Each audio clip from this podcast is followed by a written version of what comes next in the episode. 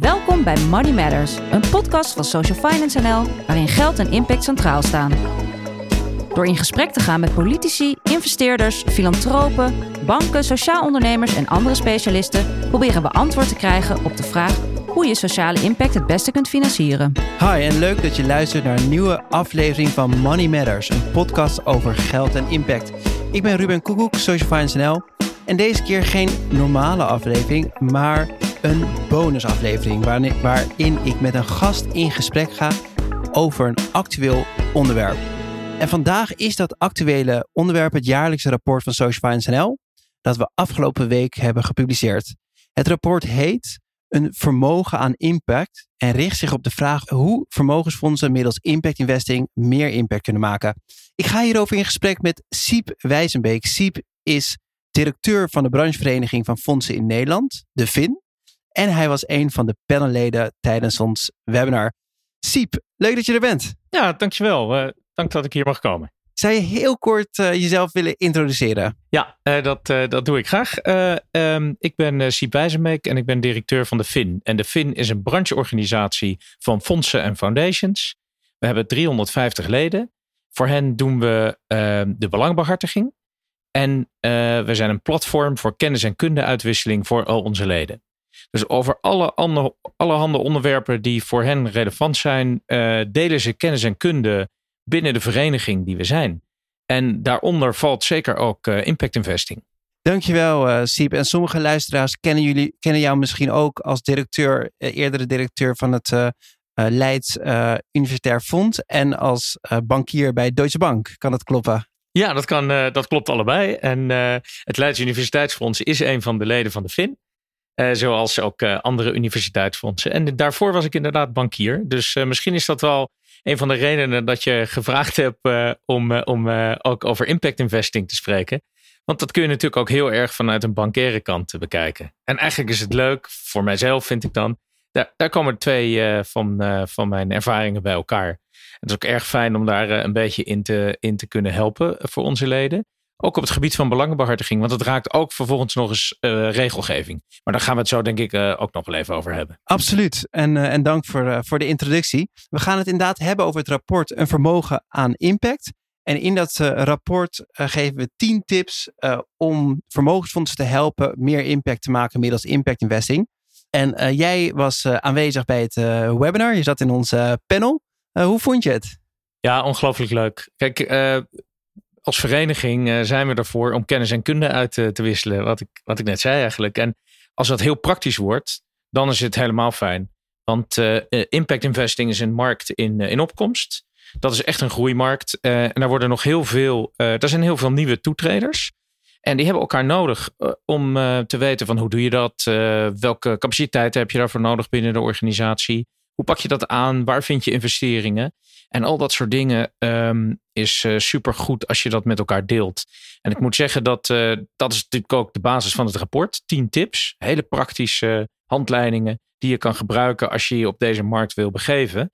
En wat um, helemaal mooi was, vind ik, is dat er ook een aantal ervaringsdeskundigen waren.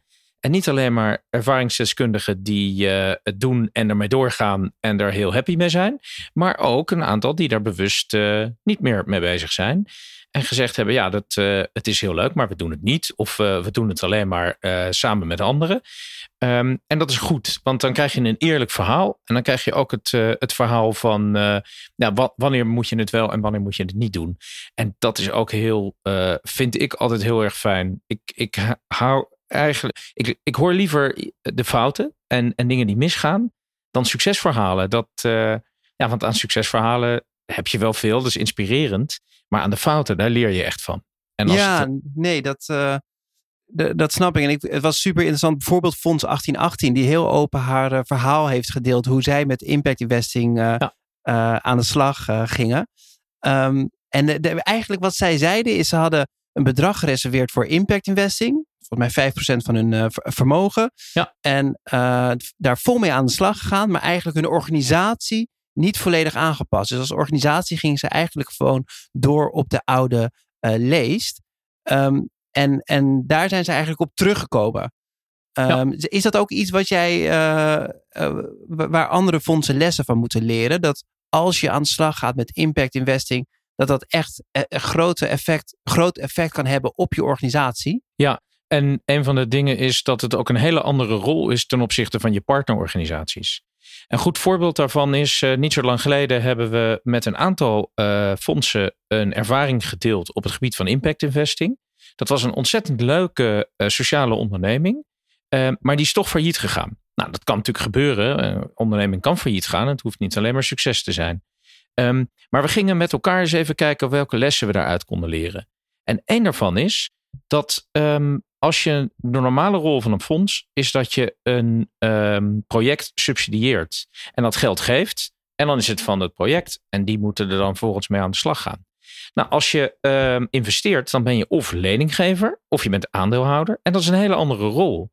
En bij aandeelhouder en leninggever uh, passen ook soms hele harde maatregelen, draconische maatregelen om je aandelen te beschermen of om de, uh, of om de lening te beschermen, die uh, je als uh, goede doelenorganisatie eigenlijk niet zo graag neemt. Om het heel simpel te zeggen, ja, je wil natuurlijk eigenlijk van een sympathiek initiatief niet de stekker eruit trekken. Maar ja, dat moet soms bij een investering. En die rol en, en, en die wisselwerking, dat was een van de grootste lessons learned. Dat je daar van tevoren op beducht moet zijn. En dat het dus ook kan gebeuren dat er in, bijvoorbeeld in de krant staat: fonds trekt de stekker uit sympathiek uh, project. Ja. Ja, dan moet je wel uh, weten hoe je daar uh, van tevoren mee omgaat. Ja, en dat, dat maakt ook de afweging. Ga je het, ga je het zelf doen of ga je het uitbesteden? Ja, ja, zeker. Want het kan het best handig zijn om er een investeerder tussen te hebben. Um, zodat je niet zelf daar direct ja, de zure vruchten van, van plukt. Maar zo zijn er nog een heel aantal andere dingen die je in je organisatie moet inbouwen om dit te kunnen gaan doen. En um, soms wordt dat onderschat. En ik denk dat is een van de krachten van het rapport, um, is dat je daar uh, fondsen voor wil behoeden. Want wat je in een markt in opkomst niet wil, is dat er ongelukken gebeuren. Want dan krijgen mensen slechte ervaringen en dan denken ze laat maar zitten. Um, ja, in het kader van een gewaarschuwd mensen telt voor twee, uh, is ervarings, uh, tips van ervaringsdeskundigen zijn, zijn zeer welkom. Dus, eh, en ik denk dat uh, de deelnemers van, uh, van, van het webinar dat zich heel goed realiseerden. Hey, en jij bent misschien wel een beetje een vreemde eend in de filantropische bijt. Hè? Dus jij bent een bankier, maar snapt ook heel goed de, de sociale kant of de, mm -hmm. de, de, missiekant van organisaties. maar veel organisaties zijn toch heel zwart-wit ingedeeld, waarbij een mhm. commissie of een, een, CFO verantwoordelijk is voor, voor de centen, ja. voor het beleggen voor het vermogen. En, uh, en een ander deel, de wat meer sociale kant, uh, voor, het, uh, voor het weggeven. Het werd in het, in het webinar ook wel gezegd: het hart en het hoofd, of de linker en de rechterkant ja. van de hersenhelft. Als je aan de slag gaat met impact investing, moet je dan die clubs gescheiden houden? Moet je impact investing bij één van die partijen neerleggen? Of moet je dat juist uh, mixen? Wat is, wat is handig? Ja, het kan allebei. En het hangt wel een beetje van af hoe je organisatie in elkaar zit. Um, maar eerst eigenlijk een, eh, een, een algemene opmerking. Het klopt, die scheiding zie je vaak. En het is wel zo dat een, het bestuur van een goede doeleninstelling, die is verantwoordelijk met elkaar voor het geheel. Dus niet alleen maar voor de uitgaven, eh, de sociale kant, zo je wil, maar ook voor de verdiensten, de beleggingskant. En eigenlijk vind ik dat die scheidslijn er niet hoort. Want je ziet hem wel vaak. Hè? Van, oh, dat is de penningmeester, die gaat over de beleggingen. Laat die maar lekker schuiven, dat gaat wel goed. En dan horen we wel hoeveel we kunnen uitgeven dit jaar. Ik zeg het even gechargeerd. Um, maar ja, zo werkt het eigenlijk niet. Het is eigenlijk dat je over beide onderwerpen als bestuur uh, goed gefundeerde besluiten moet nemen. En als je dan die twee bij elkaar brengt, dan kun je ook um, op een gegeven moment zelfs de hoofdsom gaan investeren eh, op een, uh, op een impact manier. Nou, daar komen we denk ik ook zo nog wel even op. Dat enorme potentieel van belegde vermogens van goede doelenfondsen, dat uh, nu voor een groot gedeelte op de beurs is. Ja, als dat een beetje richting de impact investing kan schuiven, dan hebben we natuurlijk wel een enorme capaciteit voor die markt die we kunnen vrijmaken. Ja, dus, dus misschien voor de luisteraar een, een eh, vermogensfonds heeft een, een hoofdsom. Dat, dat wordt op allerlei manieren belegd. En de vruchten daarvan, eh, zo'n 4% uh, gemiddeld per, per jaar, worden besteed aan allerlei doelbestedingen. En jij zegt eigenlijk van, je kan beginnen met die doelbestedingen via impact investing misschien uit te geven. Maar uiteindelijk is een prachtige kans als, dat je ook echt die hoofdsom uh, met impact investing kan ja. investeren. Ja, dat, dat denk ik wel. En je ziet het eigenlijk al die richting opschuiven. Want er wordt steeds groener en steeds duurzamer belegd met die hoofdsom. Dus dat is mooi. Nou ja, en een paar stappen verder kom je dan eigenlijk in het, uh, in het eh, domein van de impact investing. Daar hebben jullie een mooi grafiek van gemaakt in het rapport. En dat schuift eigenlijk van, van rechts naar links. Uh, van helemaal voor rendement een investering tot helemaal alleen maar voor impact. En uh, heel veel van die hoofdsommen bewegen zich langs die as ook langzaam richting de impact. Nou, dat is, dat is goed. Maar om even terug te komen op, uh, op je vraag van daarnet.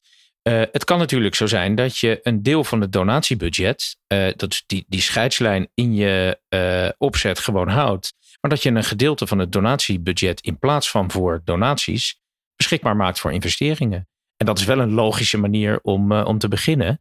En dan kun je een teen in het badwater steken en te kijken hoe dat, hoe dat werkt. En dan kun je daarna nog verdere stappen nemen.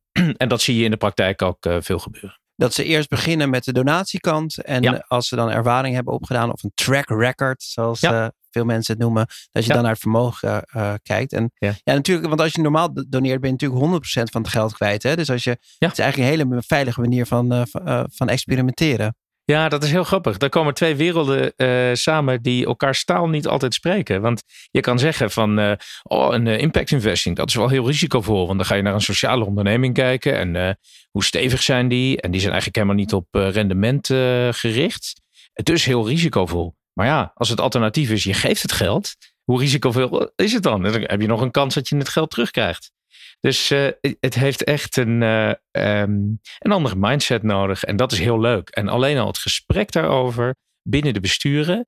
Wat, wat steeds meer gebeurt steeds meer van de fondsen. Alleen al het gesprek erover is heel erg leuk. Ja, nou goed om te, te horen. Misschien wel leuk. Eh, we hebben daar nu met een klant bezig die, die wil met geefgeld experimenteren. Maar ze zeggen wel van oh wee als het geld terugkomt. Want we hebben geen idee hoe we dat dan moeten doen. Dat is niet de bedoeling. Ja. ja dat, nou, dat zou ik dan zeker niet aan het begin uh, aan, die, uh, aan die onderneming zeggen. nee, precies. dat precies daar gaat het idee. mis. Nee, en we hadden echt een heel leuk uh, panel met, met Lisa Jordan van de DRK Foundation, jou en Martijn. En daarna gingen we verder met een interview van Sharon Alpert. En zij is een Amerikaanse en was de CEO van de Nathan Cummings Foundation. Heb jij het gevoel dat we wat achterlopen op de Verenigde Staten? Zijn ze daar wat verder dan hier? Ja, ja, zeker. Natuurlijk op, op, op, dit, uh, op dit terrein absoluut. Maar het is een hele, uh, het is een andere, het is echt een andere wereld. Dus uh, we moeten ons niet een Calimero-effect laten, laten aanmeten. filantropie zit daar anders in elkaar. En de bedragen waar het om gaat zijn aanzienlijk groter. En wat ook zo is, is dat um, ja, de laten we eerlijk zijn, de overheid in de, in, in de Verenigde Staten is een hele andere overheid dan de gemiddelde Europese. Dus dat betekent dat er veel minder op het sociaal terrein gebeurt. Om een goed voorbeeld te geven, een van de grootste impact-investeringen in Amerika is um, in affordable housing door de Ford Foundation. Nou, ik ken de bedragen niet meer uit mijn, eh, uit mijn hoofd, maar volgens mij gaat het om een miljard dollar. Waarmee ze uh, huizen bouwen voor mensen in steden, zodat ze daar makkelijker werk kunnen gaan zoeken. Nou ja, zo'n investering is natuurlijk heel logisch, uh, want dat snijdt twee kanten. Eén, je investeert in vastgoed en dat is een prima belegging. En twee, je zorgt ervoor dat mensen makkelijker aan het werk kunnen. Maar ja, kijk eens naar de Nederlandse situatie. Daar heb je woningbouwcorporaties, daar heb je de overheid met sociale woningen. En ja, dat is dus een. Uh, uh, die vraag is er helemaal niet om, om, om, het, om het zo neer te zetten. En dat soort bedragen zijn er ook niet. Want we hebben best grote fondsen hoor. Maar uh, we hebben geen fonds die even een miljard gaat investeren in, in, in, in sociale woningbouw. Dus je moet het allemaal binnen zijn eigen perspectief zien. Het is inspirerend, dat wel. Uh, en als je ziet hoe, hoe ver ze daar zijn, dan is het heel leuk. En wat ik vooral heel erg leuk vind, is de mentaliteit aan de ontvangende kant daar. Daar zijn heel veel sociale ondernemingen. Er zijn heel veel ondernemingen die daar opgezet zijn. Niet met het idee om winst te maken, maar om de maatschappij beter te maken. En omdat het nou eenmaal efficiënt is en uh, een goede manier om dat te doen, een efficiënte manier, uh, wordt dat opgezet als bedrijf. Nou, daar kunnen we in Nederland best uh, wat meer van gebruiken. Ja, maar dat is ook in Nederland wel een opkomende markt, toch? Sociaal ja. ondernemers. Ja, zeker. Zeker. Dat is, dat is heel leuk. En eigenlijk wordt bij, bij elke start-up wel de vraag gesteld van hoe duurzaam is dit? en wat doet het voor de, voor de maatschappij? En zo, zo, ook daar, ook aan die kant zie je dus eigenlijk dat het hoofd en het hart steeds dichter bij elkaar komt. Nou, als dat aan de vraag en aan de aanbodzijde gebeurt, dan, uh, dan hebben we een enorm potentieel. Nou, goed om te horen en ook goed om te beseffen dat het onderdeel is van een groter ecosysteem. Dat je niet alleen geld nodig hebt om te kunnen investeren, maar ook investees, investeringsmogelijkheden, zodat je je geld uh, kwijt kan. Ja. Al denk ik trouwens op, op, uh, op de huizenmarkt, de, de, de middenwoningen, dus bijvoorbeeld de verpleegsters, politieagenten. Ik denk dat daar ook nog heel veel voor te, te bouwen is in de, in de grote steden. Want die kunnen nou, nu nauwelijks meer een huis vinden. En sociale woningbouw, is de, daar, daar komen ze niet voor in aanmerking. En de vrije markt uh, ook niet. Ja, dus wie weet. Nee, dat heb je wel gelijk. Ja. Dus nou, misschien heb je in je, in je, in je Rolodex nog een vermogensfonds met een miljard die daar. Uh... Zal eens kijken. Kijk eens even. En nou, we hadden het dus over, over die Amerikaanse, uh, over Sharon. Um, en um, zij was CEO van de Nathan Cummings Foundation. En dat is eigenlijk het grootste fonds wat heeft gezegd, wij willen 100% overgaan op impact investing. Dus wij willen al het geld wat we, op, uh, wat we uitgeven, of nou vermogen of donatie is, moet via diezelfde impactbril worden uitgegeven. Denk je dat er Nederlandse fondsen gaan volgen? Nou, die zijn er al. Ja, er, er, zijn al uh, fondsen die dat doen. Start Foundation, Stichting Doen. En zo zijn er nog een aantal. Norber Foundation. Um, nee, die zijn er zeker. Um, Rabobank Foundation voor een, uh, voor een groot gedeelte. Um, en dat is dus niet uh, toevallig. Dat zijn vaak fondsen die voortkomen uit een bedrijf of van een ondernemende familie. Dus die hebben het ondernemen in het bloed zitten. En die denken, ja, kijk, uh, goed doen is één ding, maar uh, ondernemen is wat we kunnen. Dus waarom combineren we het niet? Um, en dan zie je dat. Nou, uh, en daar gaan er zeker meer volgen. Daar, daar, ben ik van overtuigd.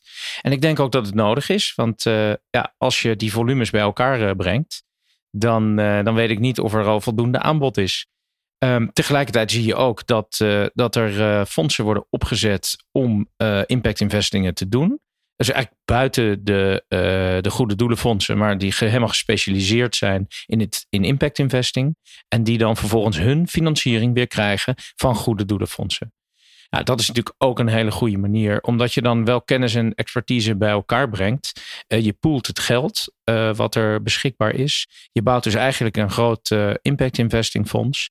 En daar zijn er een aantal, daar is er een aantal van. En daar komen er meer van, ben ik van overtuigd. En dat is een goede ontwikkeling. Ook omdat we, waar we het er net over hadden, dat het wel eens handig, dat het soms handig is om het geheel buiten je eigen organisatie te brengen. En ook omdat, ja, laten we eerlijk zijn, de meeste fondsen hebben heel weinig uh, personeel. Uh, die zijn super efficiënt georganiseerd. Die zijn eigenlijk ervoor bedoeld om dat geld met zo min mogelijk kosten uit te geven aan het goede doel. Ja, en als je dan mensen nodig hebt die uh, investering bekijken en kennis daarvan hebben, en nou, laten we maar even zeggen de bankiers, um, ja, kun je die in je eigen organisatie eigenlijk wel, wel aan het werk zetten. En ja. los van de kosten is er wel genoeg werk. Dus als je dat met elkaar poelt, in zo'n fonds. Dat is eigenlijk wel een heel slim idee. En zo kun je natuurlijk ook samenwerken met fondsen die uh, al helemaal op, op impact investing gericht zijn. Ja, en dat was ook wel de rode lijn hè, van de afgelopen uh, woensdag. Uh, zorg dat je gaat samenwerken. Dat je, dat je de, ja. de, de ramen openzet en, en kijkt met wie je het beste die impact kan realiseren. Ja, andersom is het het allerslechtste idee wat je kan doen, is dit zelf helemaal te gaan opzetten. het helemaal zelf bedenken en dan en dan als, uh, uh, als investeerder uh, gaat zeggen: Oké, het loket is open. nee, het is. Wij, wij, op een gegeven moment werd het een beetje. gingen we er bijna om lachen, zo vaak het woord samen, samenwerking gingen noemen. Maar ja, dat is inderdaad een rode draad en heel verstandig. En het begint met lezen wat de tips zijn van de, van de investeerders met, met ervaring. Ja, precies. En, en die tips die, eh, die zijn te lezen in het rapport Een vermogen aan, uh, aan impact. Dankjewel uh, Siep dat je me even met mij in gesprek wilde over het rapport. Um, en als je meer wil weten of impact investeren wat voor jou is, doe dan lees het rapport op www.socfin.nl. S-O-C-F-I-N. Daar kan je ook de impact investing scan doen. Dus als je dan vier vragen invult, krijg je een op maat gesneden tip hoe je ermee aan de, aan de slag uh, kan. Um, en um, ja. dan zou ik zeggen, ga aan de slag met impact investing, toch? Ja, hartstikke goed. En ik denk dat het wat dat betreft ook handig is om te, te raden te gaan bij de leden van de FIN. En ja, die kun je, voor zover je niet al van de vereniging lid bent, die kun je vinden op www.fondseninNederland.nl. Geweldig. Nou, dit was de eerste bonusaflevering. Hoe vond je het? Nou, volgens mij uh, smaakt naar meer, hè? Ja, nee, nee ja, als we je nog een keer kunnen bellen, heel graag, uh, Siep. Oh, zo natuurlijk niet, maar meer van, uh, dit is, ja, het is erg leuk, erg leuk om te doen. En ik luister zelf heel veel podcasts, waaronder deze. Die staat vast op mijn lijst. Dus ja, ik, ik, denk dat het een mooie manier is om mensen kennis te laten maken met verschillende onderwerpen. Dankjewel, Siep. En ook luisteraar, bedankt voor het luisteren. Volgende week weer een reguliere aflevering. Tot dan.